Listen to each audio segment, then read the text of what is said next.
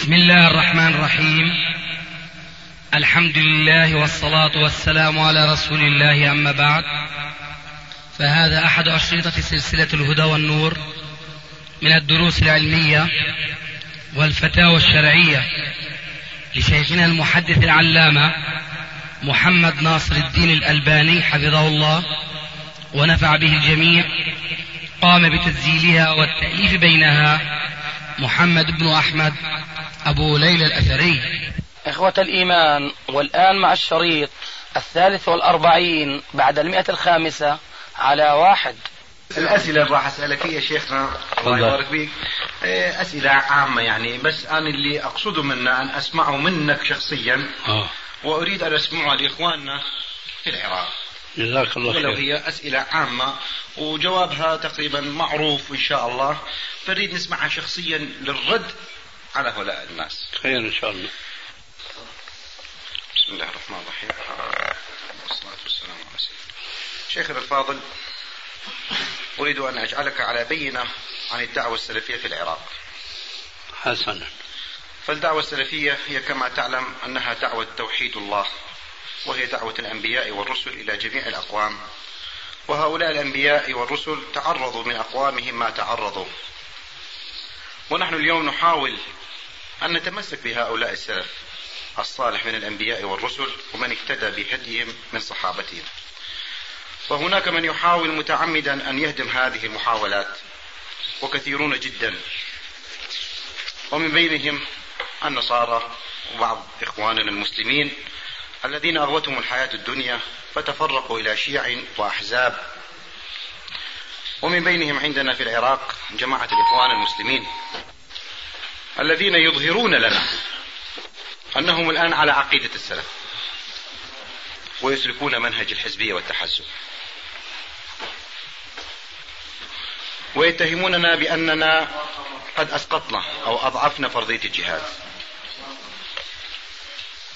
لأنهم مؤمنون بحمل السلاح ضد الطغيان من حكام وما شابههم.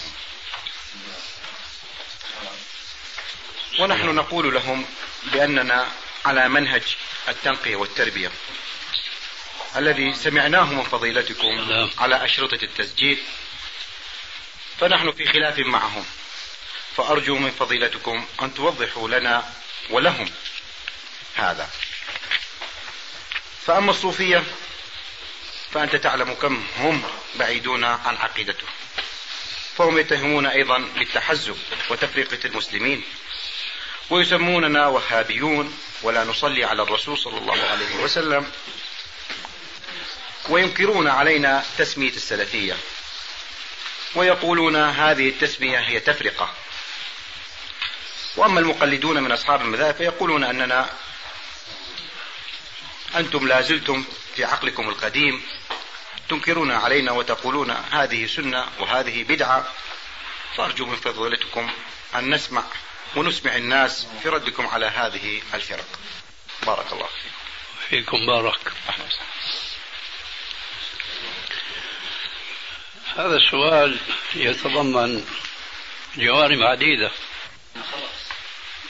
والذي ينبغي أن يعرفه كل مسلم مهما كان انتسابه. ومهما كانت حزبيته أن يعرف حقائق آه، لا ينبغي أن يكون هناك خلاف بين مسلمين على وجه الأرض لأن الله عز وجل قد نص في القرآن الكريم على أن المسلمين إذا أرادوا أن يكونوا أعزة كما كان المسلمون الأولون فواجبهم الأول أن يحققوا الشرط الأساسي الذي جاء ذكره في القرآن الكريم في آيات عدة ومن أشهرها قوله تبارك وتعالى إن تنصروا الله ينصركم. فهذا شرط أن ينصر المسلمون ربنا عز وجل وليس ذلك إلا بنصر دينه لأن الله عز وجل هو القوي العزيز فليس بحاجة إلى جند ينصرونه على أعدائه تبارك وتعالى ولذلك كان من المتفق عليه بين علماء التفسير قاطبة أن المقصود بهذه الآية إن تنصروا الله أي دينه ينصركم أي على عدوكم. هذا أمر آه، ما أعتقد أن مسلما يؤمن بالله واليوم الآخر حقا آه، يجهله فضلا عن أن يجادل فيه. وكذلك السنة توضح هذا الشرط الأساسي المذكور في هذه الآية في بعض الأحاديث الصحيحة التي جرت عادتنا في مثل هذه المناسبة أن نذكر بها كافة المسلمين. من ذلك قول الرسول الكريم عليه أفضل الصلاة وأتم التسليم. إذا تبايعتم بالعينة وأخذتم أذناب البقر ورضيتم بالزرع وتركتم الجهاد في سبيل الله سلط الله عليكم ذلا. لا ينزعه عنكم حتى ترجعوا إلى دينكم. فإذا الآية والحديث وما يشابههما من نصوص أخرى كلها تلتقي على أن المسلمين سوف يظلون في ضعفهم وفي ذلهم ما لم يأخذوا بالشرط الذي اشترطه الله عز وجل لينصرهم الله على أعدائهم وهو أن يعودوا إلى دينهم. وكما يقال التاريخ يعيد نفسه. فالمسلمون الأولون الذين كانوا مع الرسول عليه الصلاة والسلام ما نصرهم الله عز وجل إلا بسبب تمسكهم بهذا الشرط المذكور في هذه الآية وفي الحديث. لكن الشيء الذي يجهله كثير من الجماعات الإسلامية التي سميت بعضها آنفا هو أنهم يظنون أن الرجوع إلى الدين إنما هو الكلام الذي ليس فيه معنى صحيح.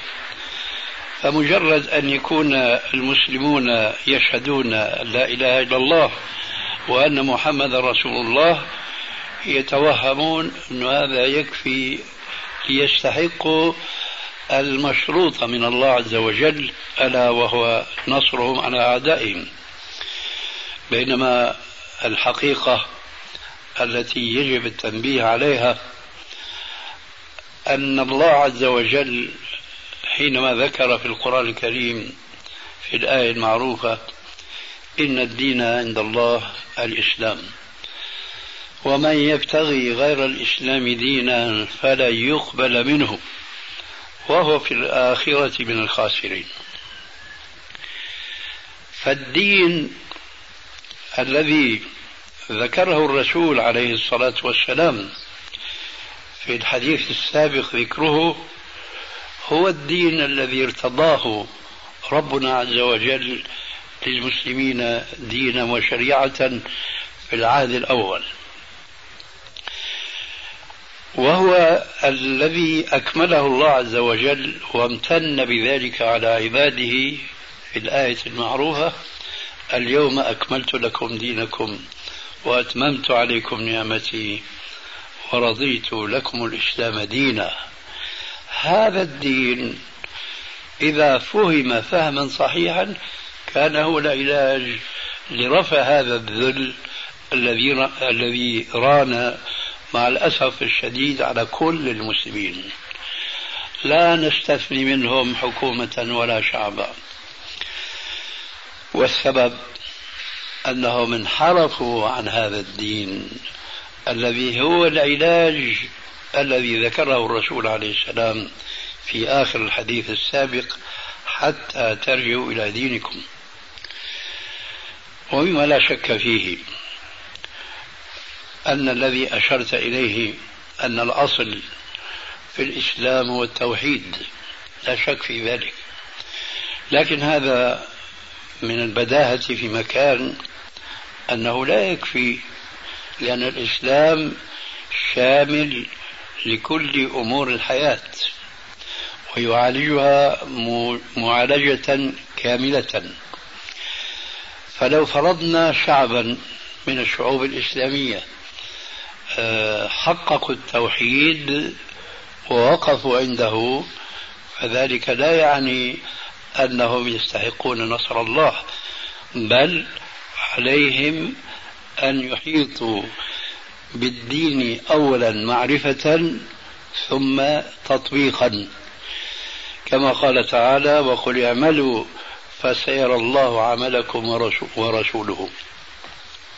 ولكن أساس كل هذه الأعمال هو التوحيد الخالص وإلا ذهب عمل المسلم هباء منثورا كما قال ربنا عز وجل لئن أشركت ليحبطن عملك. هذا خطاب للأمة المسلمة في شخص النبي صلى الله عليه وآله وسلم وإلا فمحال أن يقع نبينا صلى الله عليه وسلم في شيء من الشرك وإنما الخطاب إلى كل فرد من أفراد الأمة. لئن أشركت ليحبطن عملك. وكما قال في حق المشركين وقدمنا إلى ما عملوا من عمل فجعلناه هباء منثورا. ومما لا شك فيه مع الأسف الشديد أن أكثر المسلمين اليوم هم بعيدون كل البعد عن التوحيد الصحيح.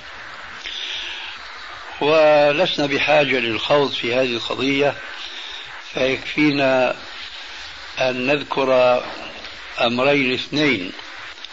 الأمر الأول يعرفه كثير من المثقفين الإسلاميين المثقفين ثقافة إسلامية صحيحة ألا وهو ابتعاد المنتسبين إلى التصوف عن عن التوحيد الصحيح حينما لا يؤمنون بأن هناك خالقا ومخلوقا وإنما هم يعتقدون بما يسمى بوحدة الوجود أي أن الخالق والمخلوق شيء واحد. ولذلك يصرح بعض ولاتهم بأن شهادة لا إله إلا الله هذا توحيد العامة أما توحيد الخاصة فهو لا هو إلا هو. ولذلك اختصروا آه، أفضل الذكر بشهادة الأحاديث الصحيحة لا إله إلا الله أفضل الذكر لا إله إلا الله ألغوا هذه الأفضلية إطلاقا وحصروها بوحدة وجود لا هو إلا هو ثم اختصروا. هذا المختصر إلى أن قالوا هو هو فلا شيء سواه. إذا هذا هو الإلحاد في دين الله باسم الإسلام. فهذا يشمل ولاة الصوفية حقا لكن مقابل هذا انحراف يلتقي مع هذا الانحراف الجلي الخطير. هناك انحراف في جماهير المذاهب الإسلامية الموجودة اليوم ولكن أكثر الناس لا يعلمون أنهم يلتقون في عقيدة لهم مع هذا الانحراف الخطير ألا وهو قول من يسمون بالماتريدية والأشعرية فضلا عن المعتزلة القدامى والشيعة الموجودة اليوم حيث أنهم يلتقون مع الشيعة القدامى فيما سأذكره من الانحراف في العقيدة. وعلى وجه الأرض اليوم طائفة من الخوارج الذين أرادوا أن يتميزوا وأن يخرجوا أنفسهم من الانتماء إلى الخوارج ألا وهم الطائفة المعروفة بالإباضية. كل هذه الجماعات وكل هذه المذاهب تلتقي مع الصوفية في القول بوحدة الوجود لكن بعبارة براقة يظهرون التنزيه وهم في الحقيقة معطلون منكرون لوجود الله تبارك وتعالى. أعني بهذا أن هؤلاء المسلمين ونسمع أثر عقيدتهم في المجالس العادية ألا وهو قولهم الله موجود في كل مكان. الله موجود في كل مكان. الله موجود في كل الوجود. هذا معناه القول بوحدة الوجود. لأن العالم بكتاب الله وبحديث رسول الله صلى الله عليه وسلم يعلم كما جاء في حديث عمران بن حسين في صحيح البخاري كان الله ولا شيء معه. كان الله ولا شيء معه. إذا كان الله ولا خلق ولا شيء لا كرسي لا أرض لا شمس لا قمر. ثم خلق السماوات والأرض. فحينما يقول هؤلاء بأن الله في كل مكان فمعنى ذلك إما أن يعطلوا أن هناك خالقا وهناك مخلوقا فهذا هو التعطيل الذي كان يقع فيه المؤولة الذين يؤولون آيات الصفات وينكرون وجود الله تبارك وتعالى فوق المخلوقات كلها فسماهم السلف المعطلة. أي إنهم يعطلون وجود الله حينما يقولون الله في كل مكان. فإما أن يقولوا بأنه لا خالق ولا مخلوق وإنما هو شيء واحد فيعود رأيهم إلى القول بوحدة الوجود لكن ليس بصراحتهم المعهودة وإما أن يقولوا بضلالة النصارى وبأعم منها حيث أن النصارى قالوا بالأقانيم الثلاثة الآب والابن وروح القدس وأن الله عز وجل حال في عيسى الذي ولد من بطن مريم. ولكن هؤلاء الذين يحصرون الله في كل مكان هم أضل من النصارى الذين حصروا الله عز وجل في ثلاثة أقانيم. ومن ضلال كبير الصوفية المصرح بوحدة الوجود ألا وهو المسمى بمحي الدين ابن عربي والذي كان بعض المشايخ في دمشق يقول محي الدين خطأ والصواب ممحي الدين.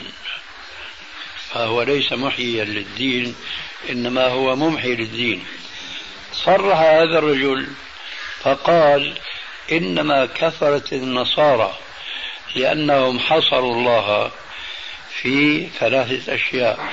أما نحن يعني نفسه فقد عممناه في كل الوجود. ولذلك قالوا لا هو إلا هو ثم قالوا هو فلا شيء. إذا القول بأن الله عز وجل في كل مكان المخالف لنصوص السنة والقرآن يلتقي تماما مع القول بوحدة الوجود. ولازم هذا القول إنكار الخالق سبحانه وتعالى كما تقول الدهرية والشيوعية وأمثالهم. ولذلك يعجبني كلمة قرأتها في التاريخ الإسلامي وبخاصة ما كان متعلقا منه بشيخ الإسلام ابن تيمية رحمه الله الذي كان له الفضل في نشر التوحيد الصحيح من عصره إلى هذا العصر. وله الفضل الأكبر في انتشار عقيدة التوحيد في العصر الحاضر بعد أن أحيا هذا التوحيد محمد بن عبد الوهاب رحمه الله في البلاد النجدية ثم سرى خيرها إلى كثير من البلاد الإسلامية. فقد كان أكثر علماء ذلك الزمان ضد دعوة ابن تيمية رحمه الله كدعوة في الرجوع إلى الكتاب والسنة بعامة وضد التوحيد الصحيح بخاصة. ولذلك فكانوا دائما يقدمون الشكاوى إلى الأمراء وإلى الحكام في زمانه. ولذلك كما تعلمون سجن في القلعة في دمشق وسجن في مصر وهكذا. فيعجبني المناقشة التي آه، ذكروها في ترجمة الشيخ الإسلام ابن تيمية رحمه الله بينه وبين المشايخ الذين شكوه إلى الأمير أمير دمشق يومئذ. فجمعهم مع شيخ الإسلام ابن تيمية وجرى النقاش بين يدي الأمير في مسألة الرحمن على العرش استوى فالعلماء يقولون بما ذكرنا آنفا أن الله عز وجل في كل مكان. وشيخ الإسلام يقول بقول السلف الصالح بأن الله عز وجل فوق المخلوقات كلها. فكان ذلك الأمير مع أنه ليس مشهورا بالعلم كان ذكيا. فقال في حق أولئك العلماء هؤلاء قوم أضاعوا ربهم. أي حينما يقولون الله في كل مكان وليس على العرش استوى فهم أضاعوا ربهم. هذه حقيقة يشهدها المؤمن بالله ورسوله حقا بأن الذين يقولون بأن الله عز وجل ليس له صفة العلو على المخلوقات وإنما هو في كل مكان أنهم أضاعوا ربهم لأنهم إذا سئلوا أين الله قالوا في كل مكان. مع أن الجارية التي هي جارية وعبدة لسيدها نظرا لكونها كانت تعيش في جو ممتلئ بالتوحيد الصحيح فلما امتحنها الرسول عليه السلام وسألها بقول المعروف أين الله؟ قالت في السماء. أما العلماء قد أضاعوا ربهم وجهلوا أنه إليه يصعد الكلم الطيب والعمل الصالح يرفعه إلى آيات كثيرة تؤدي إلى هذا المعنى. لهذا يقول ابن قيم الجوزي رحمه الله بأن المجسم يعبد صنما والمعطل يعبد عدما. المعطل هو الذي ينفي الصفات الإلهية والتي منها الرحمن على العرش استوى. إذا الذين يقولون اليوم من المذاهب التي سبق أن ذكرناها الماتريدية والأشاعرة فضلا عن الشيعة فضلا عن الخوارج ومنهم الإباضية كل هؤلاء يلتقون في أن ينفوا عن الله عز وجل صفة العلو ويقولون الله في كل مكان. إذا هذا ينافي التوحيد لأنه يرجع إما إلى إنكار وجود الله عز وجل مطلقا وإما إلى الزيادة على النصارى في جعل الله عز وجل حالا في خلقه. تعالى ربنا عز وجل عما يقول الظالمون علوا كبيرا. فإذا لابد لكل مسلم يريد أن ينهض بالمسلمين قبل كل شيء أن يفهم التوحيد الصحيح. ثم لا نبالي ماذا يقولون. يسموننا وهابية يسموننا مثلا رجعية هذا ما يهمنا. ربنا عز وجل أدبنا في شخص نبينا صلى الله عليه وآله وسلم حينما قال ما يقال لك إلا ما قد قيل للرسل من قبلك. فنحن نعلم من القرآن ومن السنة أن الكفار حينما بعث إليهم الرسول عليه السلام قالوا إنه ساحر إنه شاعر إنه كذاب. فمهما قيل فينا نحن الذين وجدنا في هذا العصر وامتن الله علينا بالتمسك بالإسلام الصحيح مهما قيل فينا من كلمات. فهي أهوى بكثير مما قيل في الرسول عليه السلام من ناحيتين. أولا شخصه أعلى وأسمى من كل مخلوق عند الله عز وجل. ثم ما قيل في حقه إنه كذاب وساحر لم يقل فينا. قالوا وهابي. إيش معنى وهابي؟ رحم الله من قال إن كان تابع أحمد متوهبا فأنا المقر بأنني وهابي. ثم من جهل هؤلاء ينبذوننا بلقب الوهابية قدحا وهو في الحقيقة ينقلب فينا لغة وواقعا مدحا لأن الوهابي هو المنسوب إلى الله. كما لو لأن الله الوهاب. لو قيل فلان ولي الله هذا مدح ولا قدح؟ هذا مدح. لكن الله عز وجل طمس على قلوبهم فهم لا يحسون بما يقولون. يزعمون بأن كلمة وهابي نسبة للنجدي الذي جاء بدعوة التوحيد وبتحطيم القبور المبنية عليها خلافا للسنة المحمدية إنه إن اسمه عبد الوهاب. هو الحقيقة اسمه محمد ابن عبد الوهاب كما تعلمون جميعا. لكنهم إذا انتبهوا أنهم لو قالوا نسبة إلى محمد بن عبد الوهاب محمدي فهذه تزكية. لكن ما دروا أنهم وقعوا في تزكية أكبر من الأولى حيث نسبونا إلى الوهاب وهو الله تبارك وتعالى.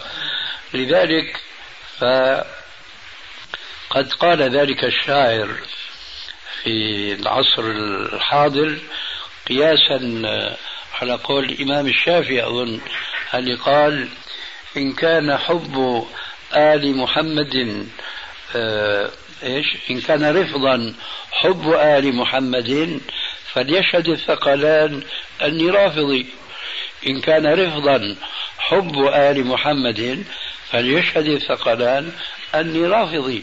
على هذا الميزان قال ذلك الرجل العالم العاقل إن كان تابع أحمد متوهبا فأنا المقر بأنني وهابي. فإذا ما ينبغي لأي مسلم هداه الله عز وجل لاتباع الحق أن يتأثر بما قد يقال فيه. إذا كان الله قال لنبيه ما يقال لك إلا ما قد قيل للرسل من قبلك. إذا ما يقال لنا إلا ما قد قيل للصالحين من قبلنا. فهم قدوتنا كما قلت في مطلع سؤالك المهم أن التوحيد هو أساس الإسلام. ولكن لابد من أن أكرر ما قلت آنفا أنه لا ينبغي للمسلمين الذين هداهم الله عز وجل إلى النهج السليم أن يقفوا فقط عند التوحيد دراسة وعقيدة بل عليهم أن يعنوا بدراسة الإسلام من كل جوانبه وبذلك تصلح حياتهم حينما يطبقون العمل على العلم كما قال عز وجل والعصر إن الإنسان لفي خسر إلا الذين آمنوا وعملوا الصالحات وتواصوا بالحق وتواصوا بالصبر. أما الإخوان المسلمون الذين يصيحون بأعلى أصواتهم والجهاد في سبيل الله أسمى أمانينا أو كما يقولون فنحن نقول لهم لقد مضى على دعوتكم قرابة قرن من الزمان وأنتم لا تزالون في مكانكم كما نقول نحن في سوريا هناك تعبير عسكري مكانك راوح. يعني الضابط ضابط سرية لما يأمر الجيش بالسير بيقول إلى الأمام سير فبيمشوا على النظام العسكري.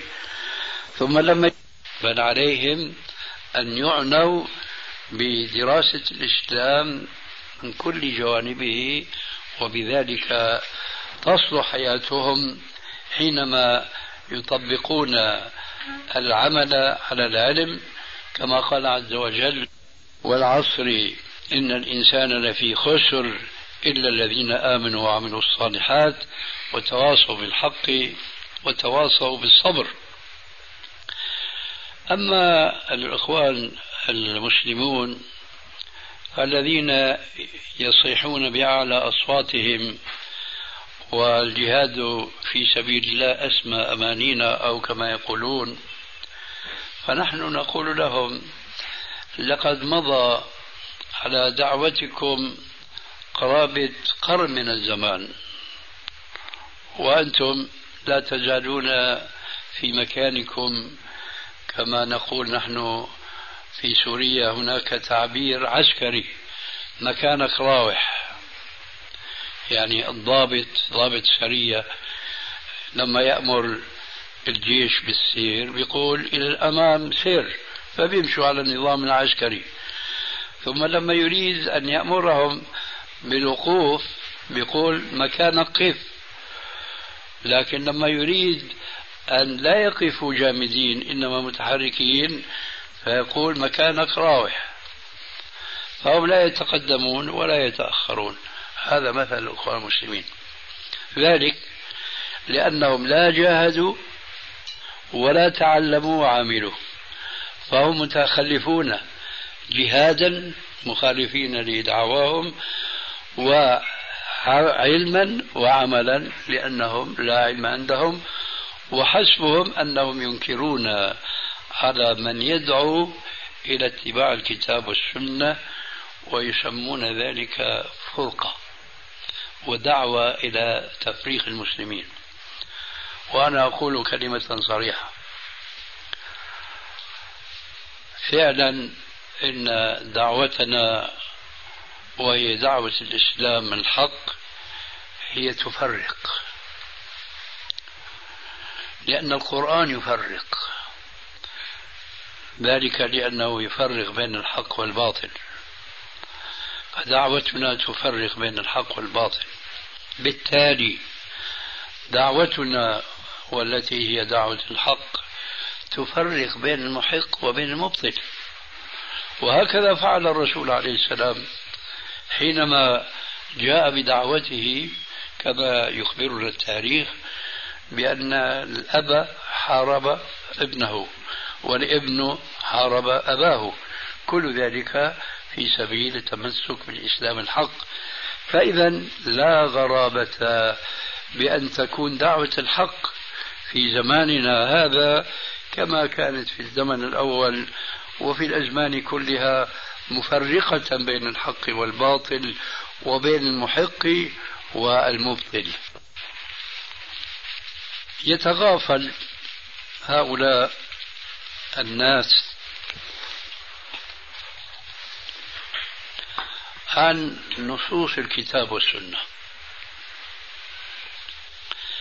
التي تقول ولكن أكثر الناس لا يعلمون ولكن أكثر الناس لا يشكرون.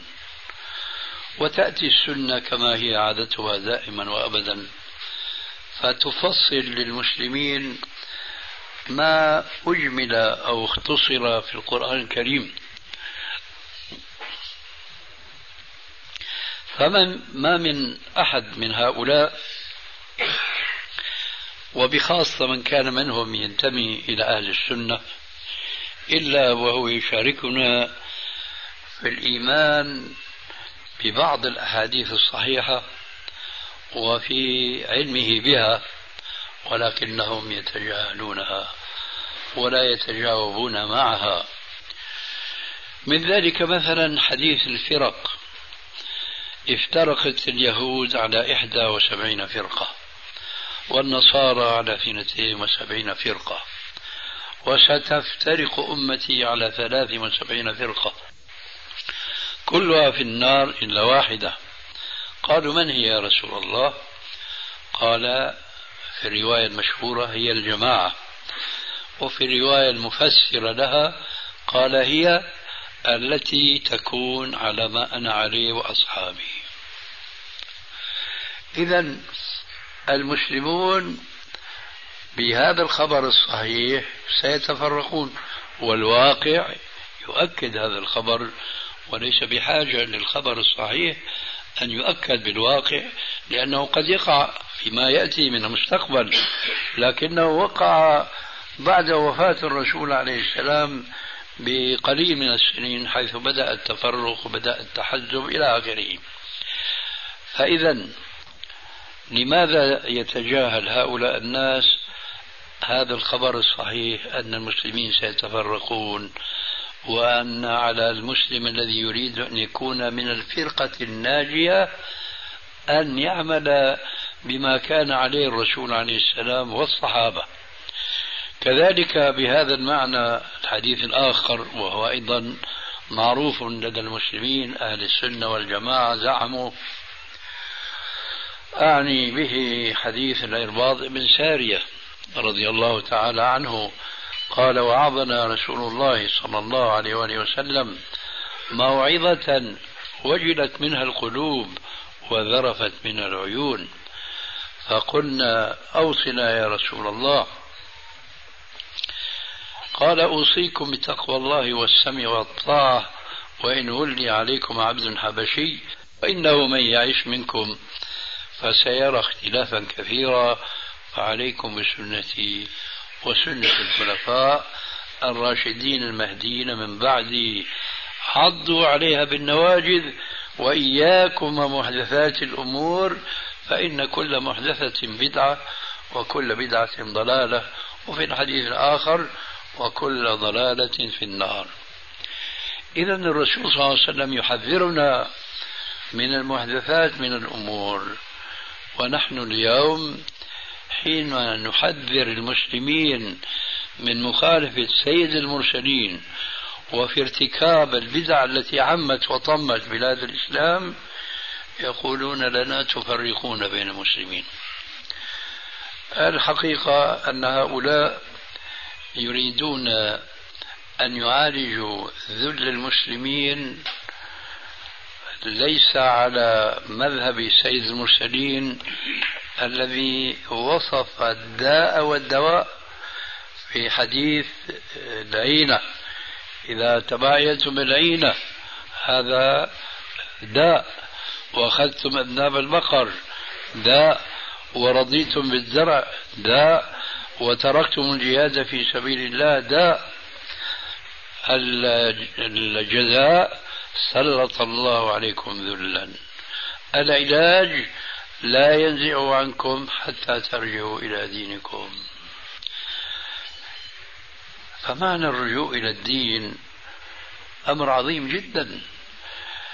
يغفل عنه هؤلاء الحزبيين أو المذهبيين أو الصوفيين أو غيرهم. الرجوع إلى الدين يتطلب من علماء المسلمين أمرين اثنين عظيمين جدا. أحدهما دراسة الإسلام دراسة صحيحة لأن بيننا وبين الدين الذي أنزله الله على قلب محمد عليه الصلاة والسلام أربعة عشر قرنا وقد دخل فيه ما لم يكن منه سواء ما كان في العقائد أو ما كان في الأحكام والفقه أو ما كان في السلوك دخل في هذه الأمور كلها ما لم يكن مشروعا في العهد الأول. فإذا لا بد للعلماء من أن يأخذوا الغرابيل وأن يصفوا هذا الإسلام مما فيه من دخيل. كما جاء عن بعض علماء الحديث حينما قيل له بأن فلانا الزنديق حينما ألقي عليه القبض ورأى أن أمامه القتل أراد أن يروي غيظ قلبه فقال أنا لا أموت إلا وقد وضعت على نبيكم خمسة آلاف حديث. فقال ذلك العالم المحدث كذب عدو الله كيف وفلان وفلان من المحدثين قد أخذوا الغرابيل وهم يصفون هذه الأحاديث يخرجونها من الأحاديث الصحيحة. هكذا يجب على علماء المسلمين في هذا الزمان أن يغربلوا الإسلام مما دخل فيه من كل الجوانب التي أشرت إليها في العقيدة في الأحكام في السلوك في الأخلاق ونحو ذلك. ثم الشيء الثاني وهذا ما أكني الشيء الأول أكني عنه بتصفية الإسلام. لا بد من التصفية. الشيء الثاني تربية المسلمين على هذا الإسلام المصفى. فأين الآن هذا الإسلام المصفى؟ عند هذه الجماعات التي تعارض دعوة الحق بل وتزعم أنها تفرق وأنا أشهد إنها تفرق فعلا بين الحق والباطل وبين المحق والمبطل. سنة الله في خلقه ولن تجد لسنة الله تبديلا. أما المقلدون فهؤلاء ينبغي ألا نهتم بهم كثيرا لأنهم حكموا على أنفسهم بالجهل. لأن التقليد عند العلماء جميعا هو أن لا يستعمل الإنسان عقله وعلمه وأن يقلد غيره وأن يسلم له تسليما. وهذا نوع من الشرك الذي وقع فيه جماهير المسلمين وهم لا يشعرون. لما؟ عليكم السلام ورحمة الله. لأن الله عز وجل ذكر عن النصارى شيئا من شركهم حين قال عز وجل اتخذوا أحبارهم ورهبانهم أربابا من دون الله والمسيح ابن مريم. النوع الأول الشرك في الرهبان. النوع الثاني الشرك في المسيح عليه الصلاة والسلام. اتخذوا أحبارهم ورهبانهم أربابا من دون الله. جاء في كتب الحديث والسيرة النبوية أن عدي بن حاتم الطائي كان من العرب القليلين الذين تثقفوا وقرأوا وكتبوا. فأوداه ذلك إلى أن آمن بالنصرانية وتدين بها. وزار النبي صلى الله عليه وسلم وعلى عنقه الصليب. فوعظه الرسول عليه السلام وذكره بالله عز وجل وبتوحيده حتى هداه الله للإسلام وأسلم وحسن إسلامه وهو الآن من مشاهير الصحابة الكرام. في بعض المجالس لما تلا النبي صلى الله عليه وآله وسلم هذه الآية أشكلت على عدي بن حاتم الطائي. قال يا رسول الله بناء على فهمه للآية ما اتخذناهم أربابا من دون الله؟ كيف هذا؟ قال له عليه السلام مبينا له ألستم كنتم إذا حرموا لكم حلالا حللتموه؟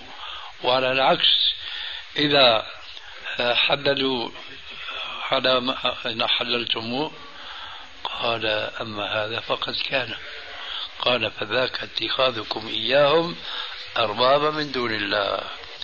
إذا هذا التقليد الأعمى حذرنا منه الإسلام في هذه الآية التي حكاها عن النصارى حتى لا نسير مسيرة مسيرتهم ولا نتشبه بهم. وقد حذرنا الرسول عليه السلام في بعض الأحاديث عن ذلك بمبدأ عام ألا وهو قوله عليه الصلاة والسلام لتتبعن سنن من قبلكم شبرا بشبر وذراعا بذراع حتى لو دخلوا جحر ضب لدخلتموه. النصارى قلدوا والمسلمون قلدوا. كان من الواجب على المسلمين أمران اثنان تتضم يتضمنهما شهادة لا إله إلا الله وأن محمد رسول الله. لو أن مسلما لو أن إنسانا كافرا أراد أن يدخل في دين الإسلام فشهد لله عز وجل بأنه لا إله غيره ولكن لم يؤمن بالنبي رسولا. ما تفيد شهادة التوحيد شيئا؟ فلا بد من الجمع بين الشهادتين. لا إله إلا الله محمد رسول الله. فأنا أقول أن الشهادة الأولى كما تتضمن توحيد الله عز وجل في عبادته فالشهادة الأخرى تتضمن إفراد النبي في اتباعه. كما أن الشهادة الأولى تتضمن توحيد الله في عبادته فمن عبد غير الله فقد أشرك ولو أنه آمن بأنه هو الخالق الرازق المحيي المميت. لأن المشركين كانوا يؤمنون هذا الإيمان ولكن كانوا في الوقت نفسه يعبدون غير الله. فهذه الشهادة الطيبة لا إله إلا الله تعطينا بأنه من عبد غير الله فلم يؤمن بالله. كذلك من اتبع غير رسول الله صلى الله عليه وسلم ولم يفرده في الاتباع فما تفيده شهادة أن محمد رسول الله شيئا إطلاقا. وهذا يؤكده بعض الآيات القرآنية التي منها مثلا قوله عز وجل فإن تنازعتم في شيء فردوه إلى الله والرسول إن كنتم تؤمنون بالله واليوم الآخر. إن كنتم تؤمنون بالله واليوم الآخر. ذلك خير وأحسن تأويلا. فالآية الأخرى اللي بتقول ويسلموا تسليما. لا. ألا وربك لا يؤمنون حتى يحكموك فيما شجر بينهم ثم لا يجدوا في أنفسهم حرجا مما قضيت ويسلموا تسليما. هذا التسليم للنبي الكريم إذا نقل عنه إلى غيره فهو كفر بشهادة أن محمد رسول الله. فهنا نستطيع أن نقول توحيدان. توحيد لله في عبادته وتوحيد للرسول في اتباعه. فمن أخل بأحد التوحيدين فهو لم يؤمن بالله ورسوله إيمانا صادقا. إذا هؤلاء المقلدون ينبغي الحقيقة أن لا نعبأ بهم من جهة وأن نشفق عليهم من جهة أخرى لأنهم مرضى حيث أنهم آه، قلبوا الحقيقة القرآنية سواء ذلك في توحيد الله وحده لا شريك له أو في اتباعهم واستسلامهم لغير نبيهم الذي كان واجبا عليهم أن يسلموا له تسليما كما سبق ذكره في الآية الأخيرة. ما أدري إذا كان بقي عندك شيء في, في سؤالك. في سؤال ثاني شيخنا نعم. في مدينتنا مدينة الموصل اللي تكون في شمال العراق مساجد مبنية على قبور. يزعمون أنها قبور أنبياء. هناك جامع النبي شيت وجامع النبي يونس وجامع النبي جرجيس وجامع الخضر وإبراهيم الخليل وجامع دانيال. شاركتونا كان. نعم. إبراهيم الخليل عندنا نعم. هذا. إبراهيم الخليل يكون في أقصى الشمال يعني على الحدود العراقية التركية. إي نعم.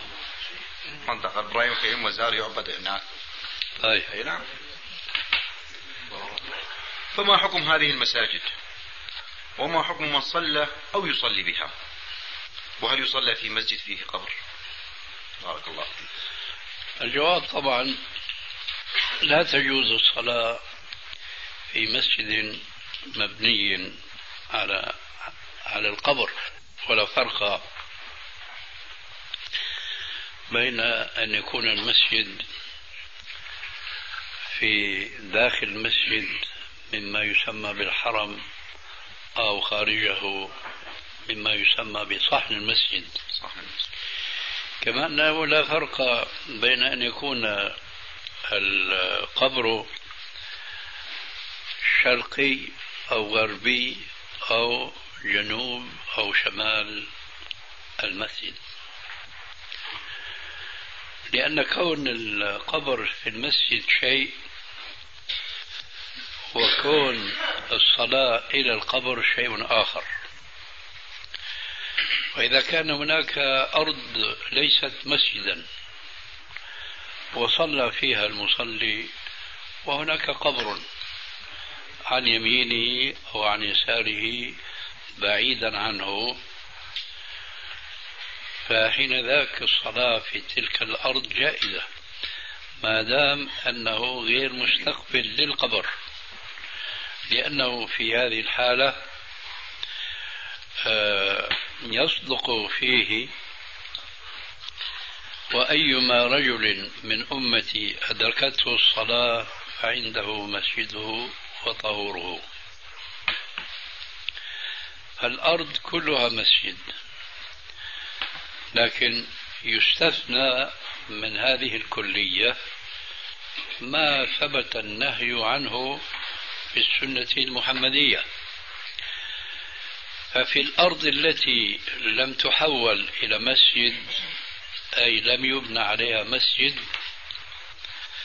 فالصلاة في هذه الأرض جائزة ولو كان فيها قبر ما لم يكن متوجها للقبر لأن هذا الاستثناء فيه حديث صحيح وصريح من بل أحاديث من أشهرها قوله عليه الصلاة والسلام لا تجلسوا على القبور ولا تصلوا إليها. فهذا حكم الأرض التي فيها قبر. تجوز الصلاة في هذه الأرض ما لم يستقبل القبر. أما الأرض التي بني عليها مسجد وفيها قبر ففي أي جهة من المسجد كان هذا القبر فهو يجعل هذا المسجد مما يمنع الصلاة فيه. لا فرق كما قلنا آنفا بين أن يكون قبلي المسجد أو شرقي أو غربي أو جنوبه أو شماله. ذلك لأن الأحاديث التي جاءت تنهى عن اتخاذ المساجد على القبور هي مطلقة. لم تفرق بين أن يكون القبر في جهة القبلة أو في دبر القبلة أو في أي جهة أخرى. ولعلكم آه، اطلعتم على رسالة قديمة لي كنت سميتها بتعبير الساجد من اتخاذ القبور مساجد. ففيها آه، ما تيسر لي يومئذ من الأحاديث الكثيرة في التحذير من بناء المساجد على القبور. ومن أهمها دلالة على هذا الموضوع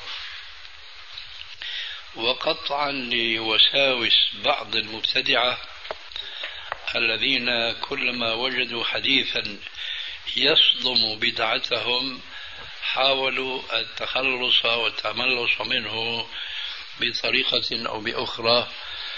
فمثلا يتخلصون من قوله عليه السلام لعن الله اليهود والنصارى اتخذوا قبور أنبياء مساجد.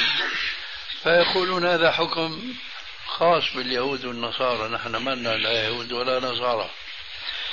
فيأتي الحديث الذي أردت أن أذكره لأنه يتعلق بهذه الأمة حيث قال عليه الصلاة والسلام لا تقوم الساعة لا تقوم الساعة آه، نعم إلا على شرار الخلق وإلا على الذين يتخذون قبور أنبيائهم مساجد هذا يتعلق بالأمة الإسلامية. لكن هنا نقطة لا بد من بيانها. ألا وهي أن النهي عن الصلاة في المساجد المبنية على القبور كالنهي عن الصلاة في الأوقات المحرمة. فهي من باب سد الذريعة. وكما أن الأوقات المنهي عن الصلاة فيها دخلها قليل أو كثير من التخصيص فأنا أرى استنباطا واجتهادا أن المسجد المبني على القبر أنه يمكن أن تجوز الصلاة فيه في بعض الظروف الاستثنائية. مثلا بينما رجل يمشي في طريقه إلى داره إلى عمله إذا به يسمع الأذان وهو يعلم أنه في هذا المسجد فيه قبر. وأنه يجب عليه ألا يقصد هذا المسجد بالصلاة فيه. ولكن هو بين أن يدخل ويصلي فيه وبين أن تفوته صلاة الجماعة. فإذا دار الأمر بين هذين الأمرين تغلب وجوب فرضية صلاة الجماعة على تحريم الصلاة في المسجد المبني على القبر. ذلك لأن النهي عن الصلاة في المسجد المبني على القبر من باب سد الذريعة. كما أن الصلاة في الأوقات المكروهة من باب سد الذريعة. لكن إذا اداركه الوقت ولم يكن هناك إمكان إلا أن يدع الصلاة حتى يخرج الوقت كله أو أن يصلي في وقت الكراهة. فهذا أولى من أن يضيع الصلاة بالكلية كذلك كذلك إذا دار الأمر بين أن يضيع فريضة صلاة الجماعة وبين أن يصلي في مسجد الكراهة رجحت الصلاة في هذا المسجد على أن يصلي وحده في بيته أو في مكان آخر. وهذا بطبيعة الحال معناه أو هذه السورة إنما نعني بها أنه إذا لم يكن في علمه أو لم يكن في استطاعته أن يدرك الصلاة مع الجماعة في مسجد آخر ليس فيه قبر. ولذلك كانت كان البحث أنه بين أحد أمرين.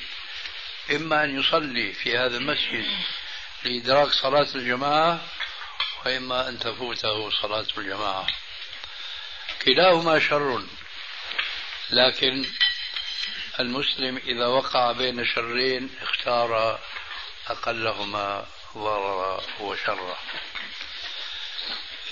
هذا يجب أن نلاحظه لأنني أعرف بتجربتي الخاصة أن كثيرا من إخواننا السلفيين آه، لا يلاحظون هذا التفريق فمجرد أن يعلموا أن مسجدا فيه قبر لا يصلون فيه ولو فاتتهم صلاة الجماعة هذا خطأ.